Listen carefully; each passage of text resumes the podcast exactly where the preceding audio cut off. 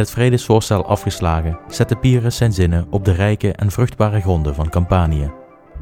Kineas had gefaald in zijn poging de Romeinse Senaat te paaien met cadeaus en beloftes.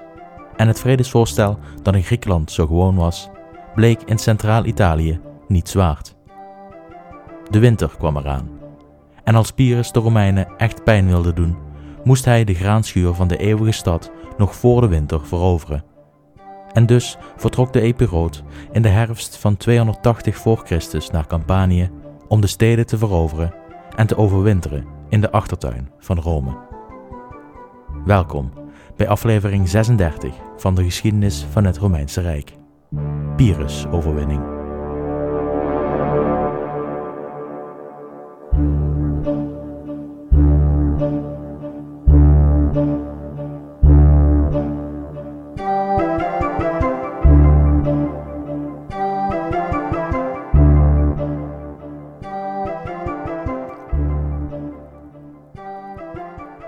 De toekomst voor de Grieken in Magna Graecia zag er rooskleurig uit. Eindelijk hadden ze een sterke leider die opgewassen leek tegen het Romeinse geweld. Ja, ze moesten enkele vrijheden afstaan, maar Pyrrhus zou vast en zeker bijdraaien als de oorlog eenmaal gewonnen was. Met de slag bij Heraclea gewonnen, sloten steeds meer Griekse stadstaten in Magna Graecia zich aan bij Pyrrhus, en ook de Italische volkeren riepen massaal hun steun uit aan Pyrrhus. Zijn leger was groeiende. Pyrrhus zelf was echter minder enthousiast. De slag had veel van zijn veteranen het leven gekost. Officieren leken er door de Romeinen te zijn uitgepikt, en de bondgenoten die hij wilde, leken zich niet bij hem aan te willen sluiten. De bondgenoten waar Pyrrhus op aasde, waren de voormalige Griekse stadstaat Neapolis, die nog geen vijftig jaar geleden veroverd werd door de Romeinen, en de hoofdstad van de provincie, Capua. Deze steden waren echter door de Romeinen grondig onder handen genomen in voorbereiding op de oorlog met Pyrrhus. Alle bewoners die ook maar enigszins in bedreiging vormden voor de romanisering van de provincie, waren verbannen of gevangen genomen, om te voorkomen dat zij de stadsbesturen zouden overtuigen zich bij de Griekse koning aan te sluiten. Met groot succes, zo zal later deze aflevering blijken.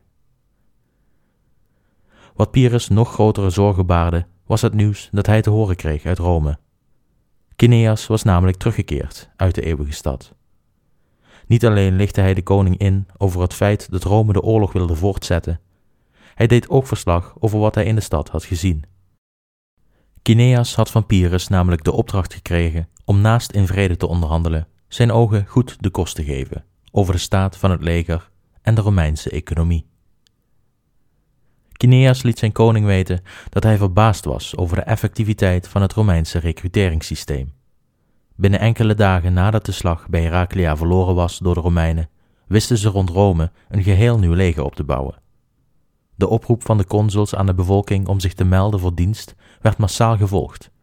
In tegenstelling tot de Grieken in Magna Graecia werden er geen capriolen uitgehaald om niet in dienst te hoeven, maar werd je met de nek aangekeken als je geen gehoor gaf aan de oproep. Nog voordat Kineas terug was gekeerd naar het zuiden, was Rome erin geslaagd onder consul Livinus een nieuw leger te recruteren. Volgens Kineas was dit leger twee keer zo groot in aantal als het leger dat bij Heraclea verslagen was, al is dit hoogstwaarschijnlijk een overdrijving. Feit is wel dat Rome een veel grotere poel had om uit te vissen. Het gebied dat onder Romeins gezag stond, had de beschikking over maar liefst 275.000 mannen van militaire leeftijd. Een ongelooflijk aantal, mede mogelijk gemaakt door het auxilia-systeem dat Rome hanteerde. Met zulke aantallen was een verlies zoals bij Heraclea vervelend, maar zeker niet het einde van de militaire kracht van Rome. Men bleek in staat leger na leger te recruteren om op de vijand af te sturen.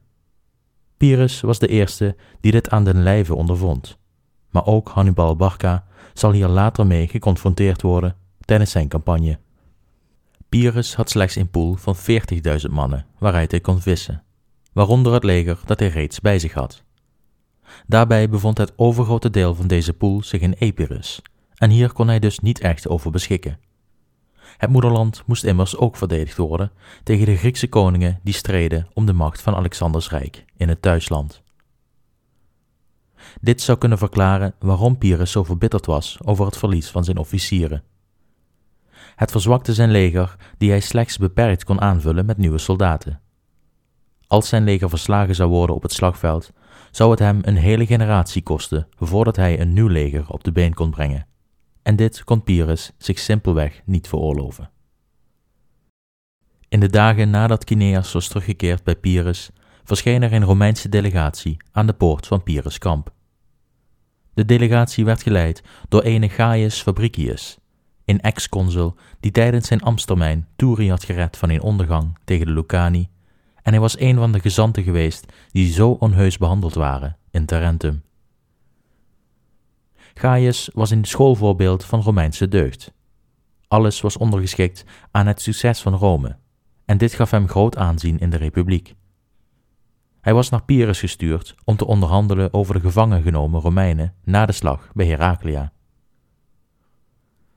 Kineas kondigde hem aan bij Pyrrhus als een van de vele koningen van Rome, refererend aan het grote aantal senatoren die Rome bestuurden, maar vertelde er meteen bij dat ondanks zijn grote naam en beroemdheid hij een man was met weinig geld.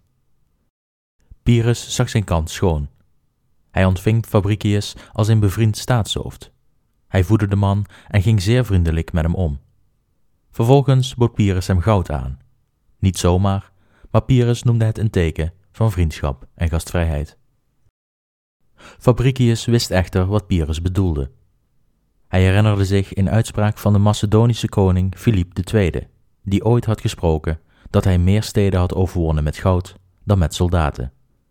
En dus accepteerde hij dit gouden Trojaanse paard niet. Een dag later nodigde Pyrrhus hem uit om een ommetje te maken door zijn kamp, om te stoppen op een vooraf bepaalde plaats. Hier had Pyrrhus een plan bedacht om de trotse Romein te breken. Fabricius was niet bij Heraclea aanwezig geweest, en dus had de beste man nog nooit een olifant gezien. Pyrrhus had daarom zijn mannen opdracht gegeven de grootste olifant naar deze plek in het kamp te verplaatsen en hem te verstoppen in een grote tent. Toen Pyrrhus en Fabricius bij de tent aankwamen, lieten de Epiroten de touwen die het tentdoek overeind hielden los en verscheen plots het gigantische dier. De olifant hief zijn slurf boven het hoofd van de Romein en trompetterde een harde en beangstigende kreet. Fabricius keerde zich in alle rust naar Pyrrhus en zei met een grijns op zijn gezicht: Zoals je goud mij gisteren niets deed, zo doet vandaag je beest me niets. Het plan mislukte. De avond viel en er werd een groot diner geserveerd voor de Romeinse gasten.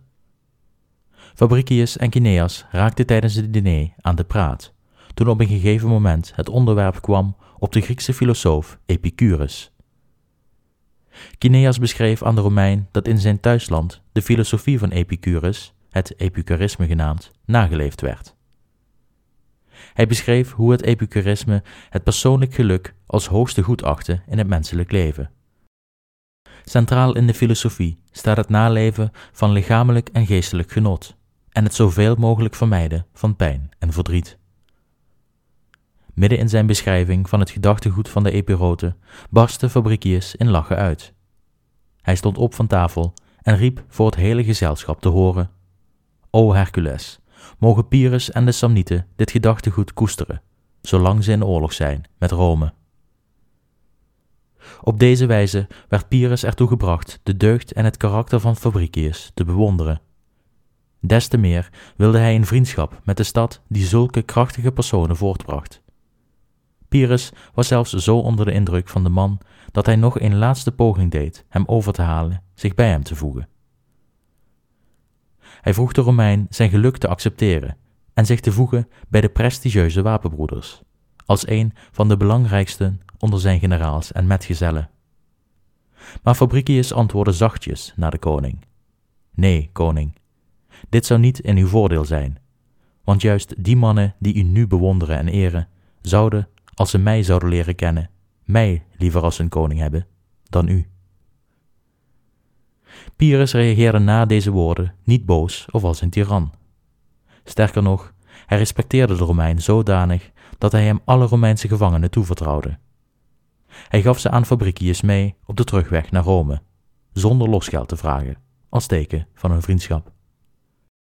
Hij vroeg Fabricius met de gevangenen terug te keren naar Rome en de Senaat te vertellen over de nobele Griekse koning. Hij zou de gevangenen aanbieden aan de Senaat in ruil voor vrede. Als de Senaat de vrede accepteerde, mochten de mannen in Rome blijven. Zo niet, vertrouwde de koning erop dat Fabricius de mannen terug zou sturen naar Pyrrhus. Fabricius accepteerde en trok terug naar Rome, waar de gevangenen met hun familieleden het Romeinse festival Saturnus vierden. De Senaat bleef echter standvastig, en na een korte reunie met hun familieleden stuurde de Senaat de gevangen genomen soldaten terug naar Pyrrhus en stemde ze voor in doodstraf voor iedere gevangene die de volgende dag Rome nog niet verlaten had. Toen Fabricius al enige tijd was teruggekeerd in Rome, werd hij benaderd door een Griek. Het was een arts van Pyrrhus, die in het diepste geheim naar Rome getrokken was met een voorstel voor de Romein. Hij bood aan de Griekse koning te vergiftigen in ruil voor een berg aan goud. In plaats het voorstel te accepteren, liet Fabricius de man arresteren en stuurde hij de man terug naar de Griekse koning met een brief die het verraad van de arts beschreef. Fabricius schreef dat Rome de oorlog op de Romeinse manier zou aangaan, in plaats van de Griekse manier van moord, list en bedrog. Pyrrhus was wederom zeer onder de indruk van de Romeinse geest. Hij wist nu zeker dat hij niet te maken had met barbaren, maar met een eervol volk. Hij liet de arts executeren en liet als dank alle Romeinse gevangenen terugkeren naar Rome, ditmaal voorgoed. De vriendelijke geste van Pyrrhus werd echter niet zomaar geaccepteerd door Rome. Fabricius had namelijk niets bijzonders gedaan. Hij deed slechts wat iedere eervolle man zou doen. En dus moesten ze niets weten van dit cadeautje van Pyrrhus. Om de weegschaal te balanceren werd er een gelijk aantal Tarentijnse en Samnitische gevangenen vrijgelaten. En er werd een laatste bericht naar Pyrrhus gestuurd. Vanaf nu werd er niet meer met de Griekse koning gesproken, totdat hij en zijn leger aan boord zouden gaan van zijn schepen om Italië te verlaten. Met de poging de Romeinen te bewegen tot een vrede mislukt, zette Pyrrhus zijn voorbedachte plan in werking. Hij verzamelde zijn leger, brak zijn kamp af en vertrok naar Campanië. Deze provincie, die zo'n 60 jaren eerder door de Romeinen was ingelijfd, was een grote bron van voedsel, inkomsten en mankracht voor de Romeinen. En het zou een grote klap betekenen wanneer Rome dit gebied zou verliezen. Pyrrhus vertrok richting Capua. Maar nog voordat hij halverwege was, bereikte het bericht Rome dat Capua het volgende doelwit was van de Grieken. Livinus werd snel met een leger naar de stad gestuurd. Hij bereidde de verdedigingen van de stad voor en wachtte af tot Pyrrhus de belegering zou inzetten.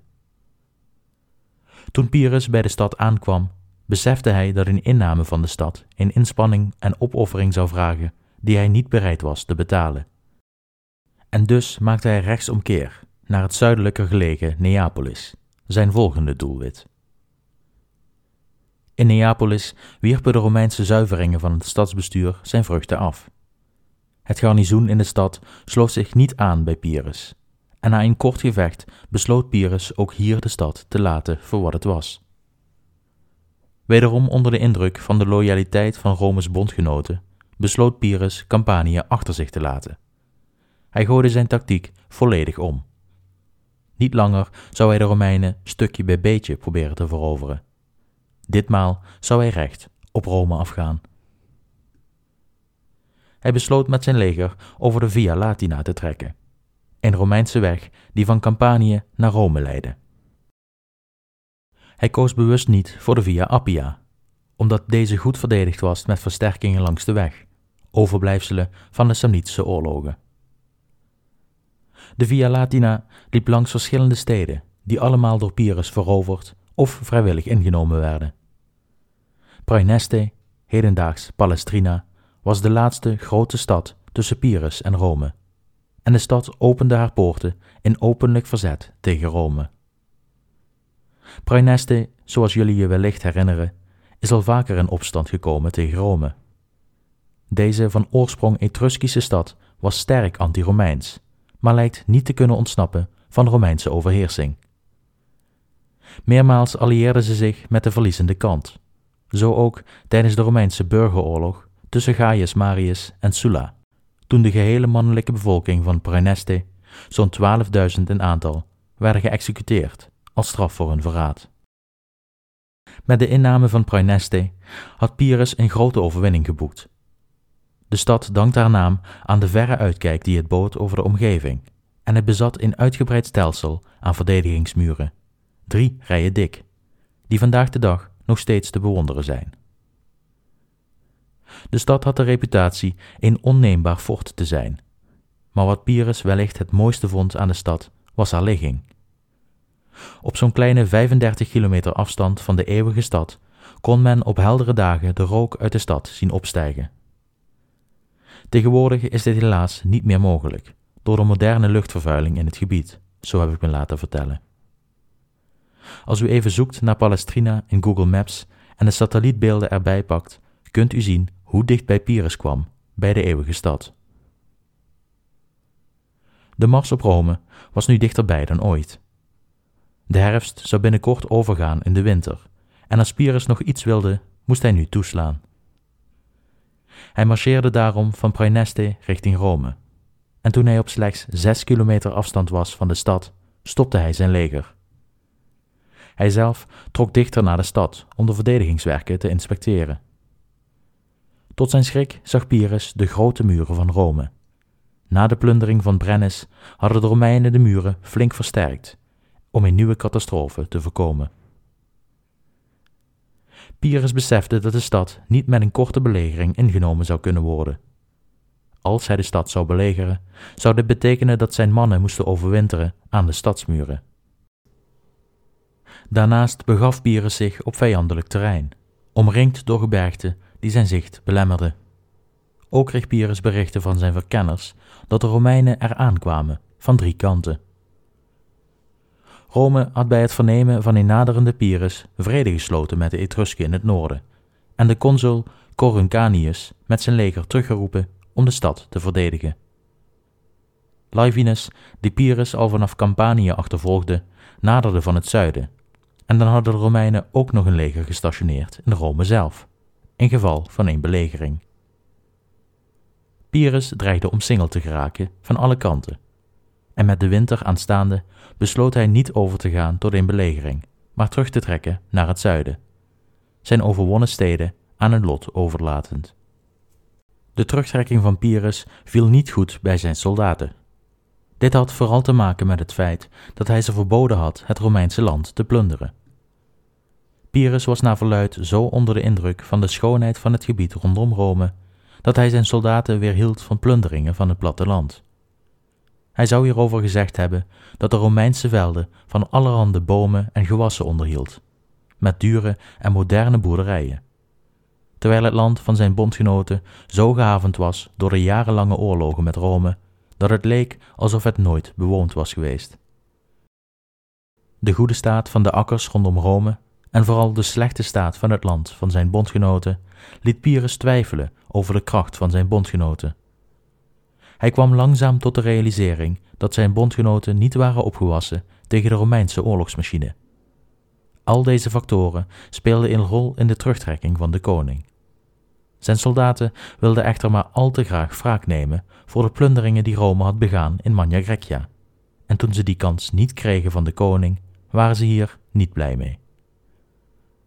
Bronnen stellen dat Pyrrhus tijdelijk de controle over zijn leger verloor zijn soldaten meenden dat hen rechtmatige plunderingen werden onthouden, en dus plunderden ze erop los op een terugtocht naar het zuiden. De soldaten maakten geen onderscheid tussen Romeins grondgebied of grondgebied van de Griekse bondgenoten.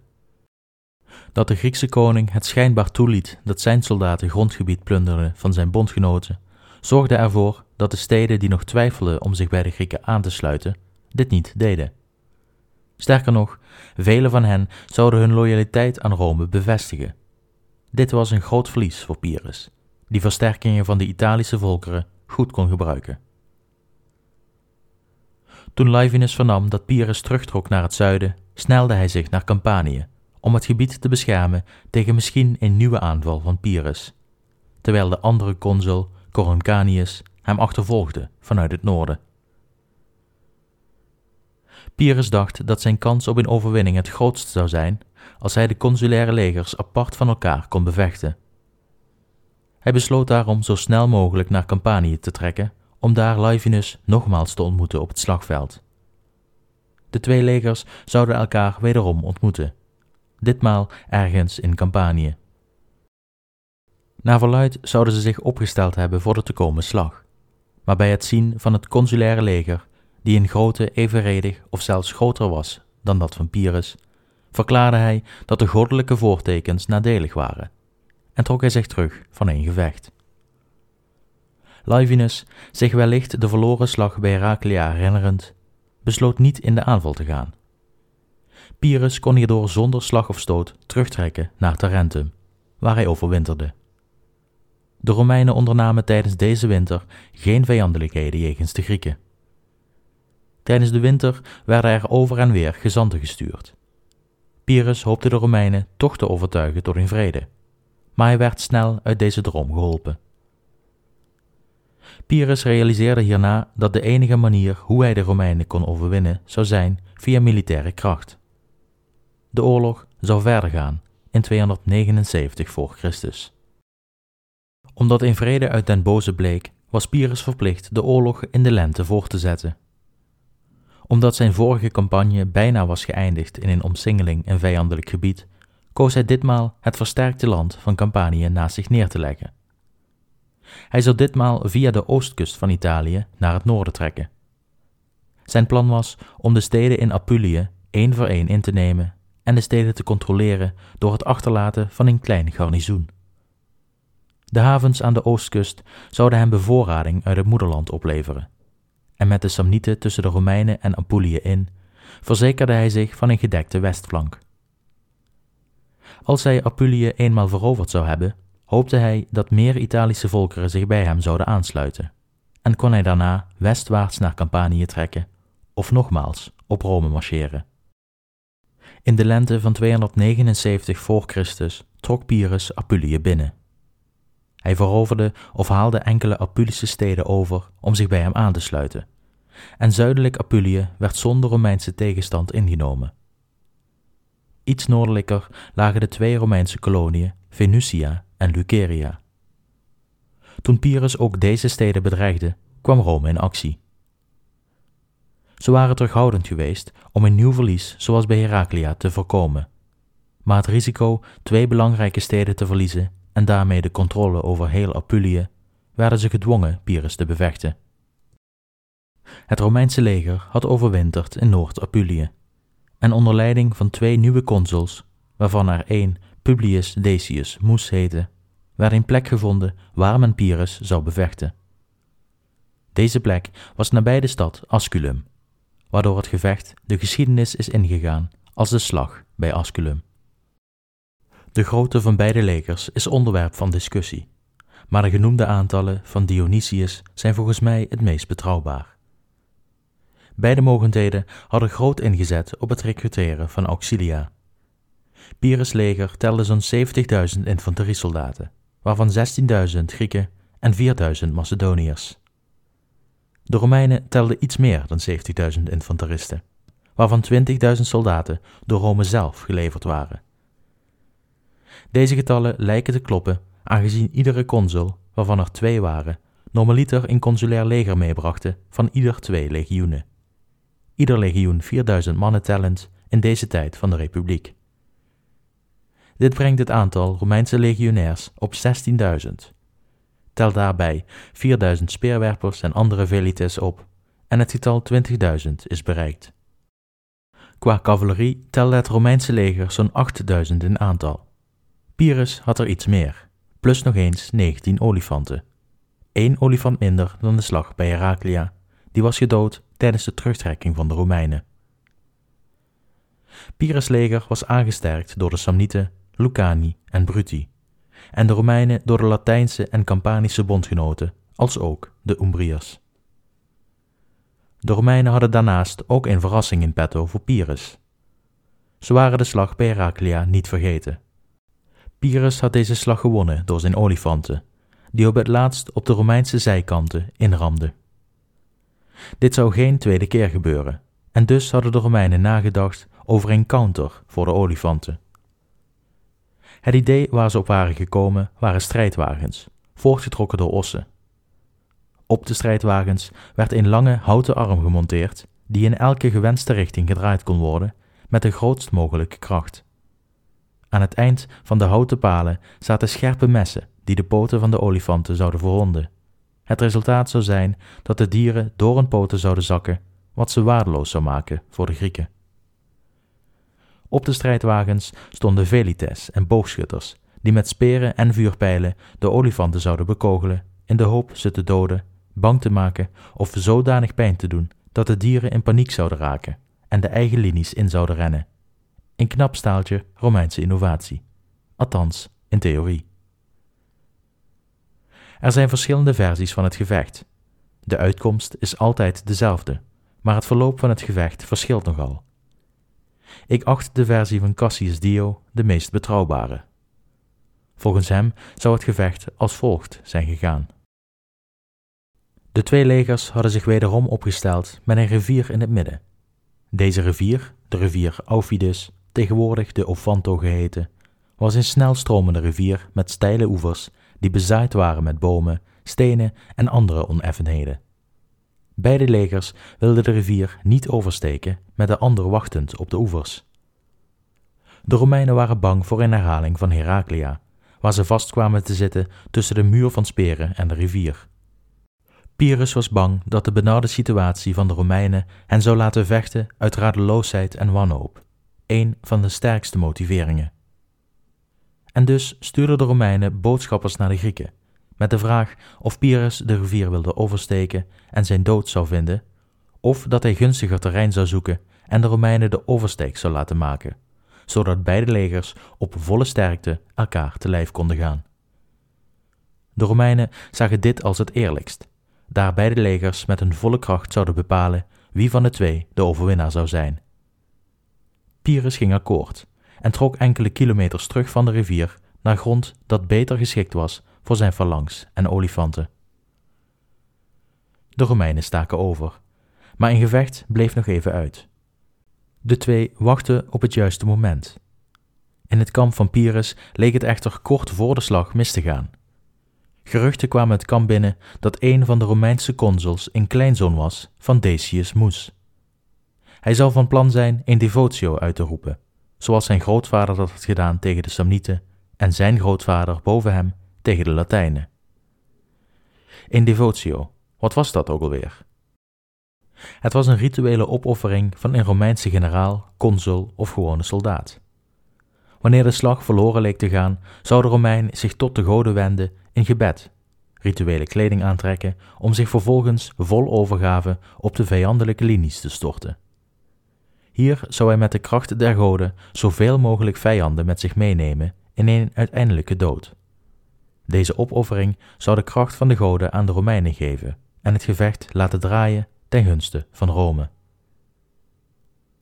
De Italische bondgenoten in Pyrrhus kamp wisten van de mythen rond de familie Deci, waar Decius Mus uit voortkwam.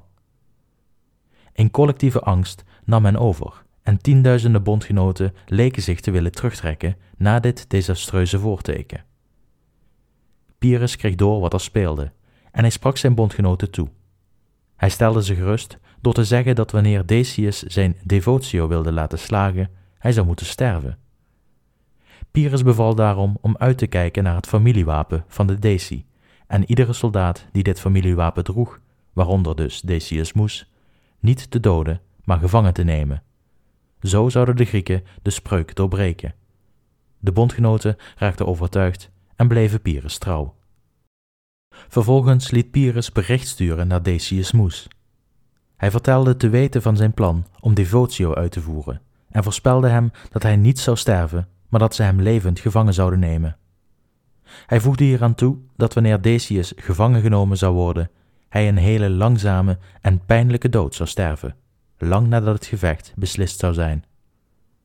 Decius antwoordde: Een dergelijke daad zal niet nodig blijken, daar we jullie zullen verslaan op andere wijze.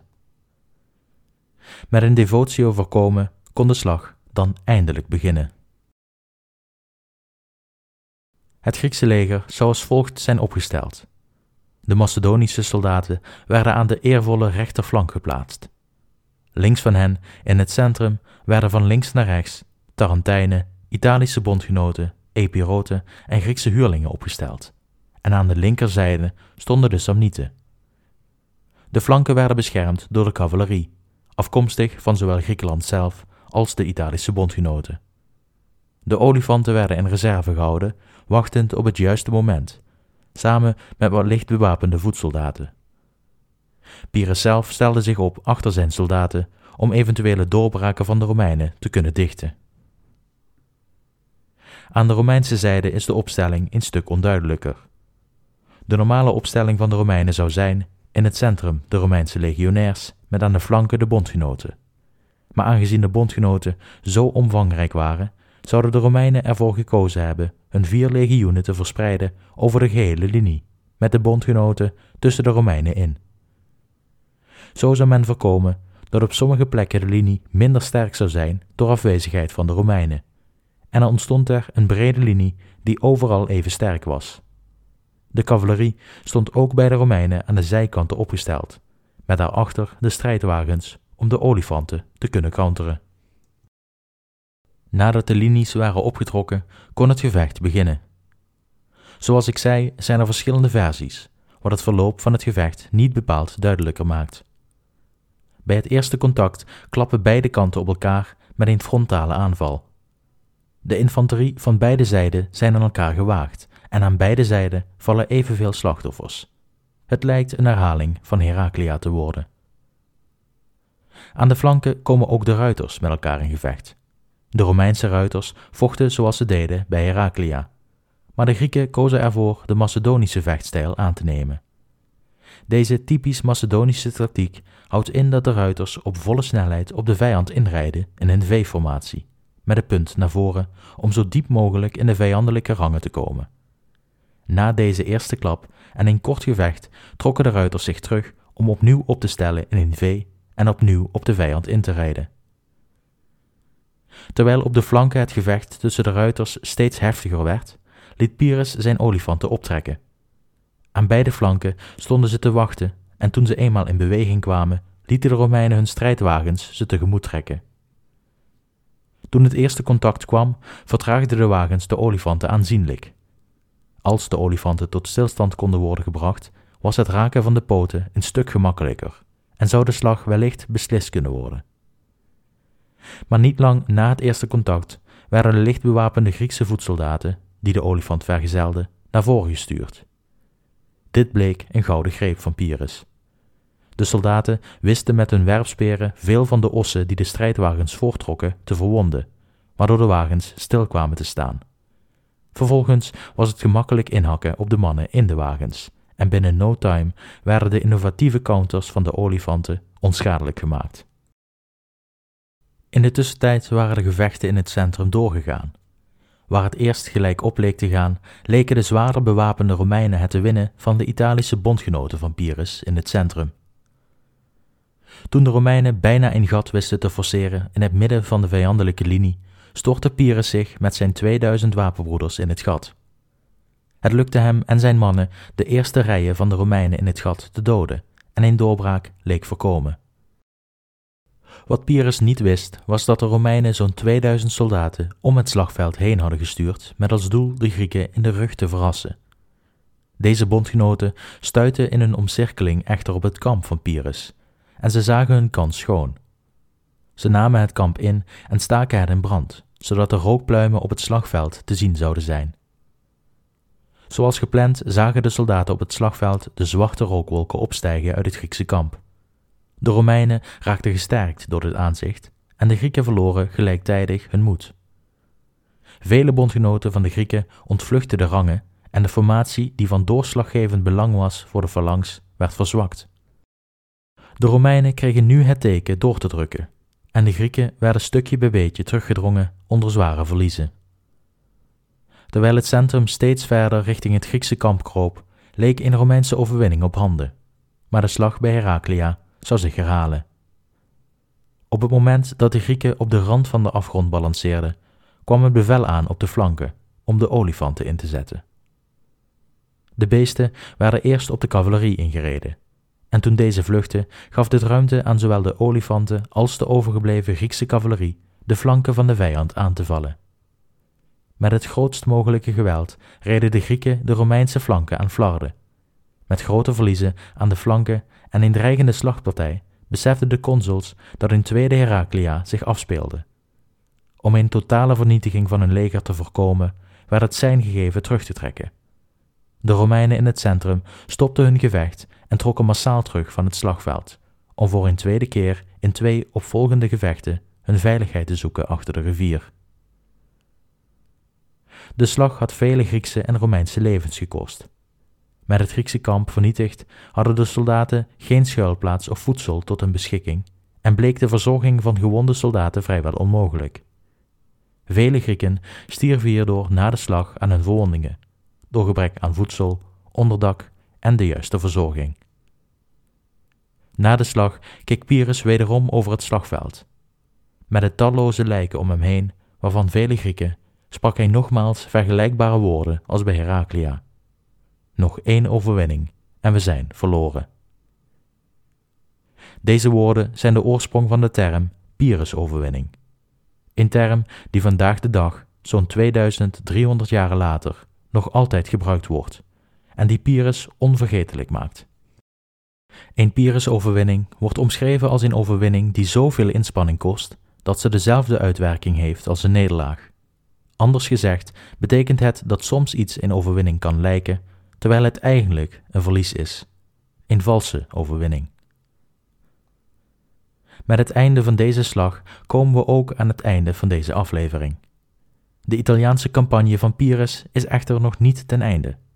Na de slag bij Asculum trekt Pyrrhus terug naar Tarentum, waar hij zijn rangen probeert aan te vullen met nieuwe recruten. Terwijl hij in de winter van 279 voor Christus midden in de heropbouw van zijn leger zit, komen er echter twee hulpvragen zijn kant op: één uit Sicilië en één uit Macedonië.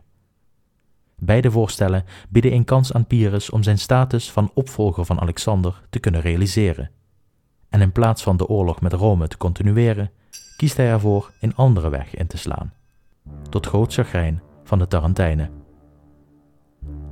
Pyrrhus komt de Romeinen echter nog één keer tegen, bij de slag bij Beneventum in 275 voor Christus. Het nieuwe avontuur van Pyrrhus en de laatste slag tegen de Romeinen zal het onderwerp zijn van de volgende aflevering. Voor nu laten we het hierbij.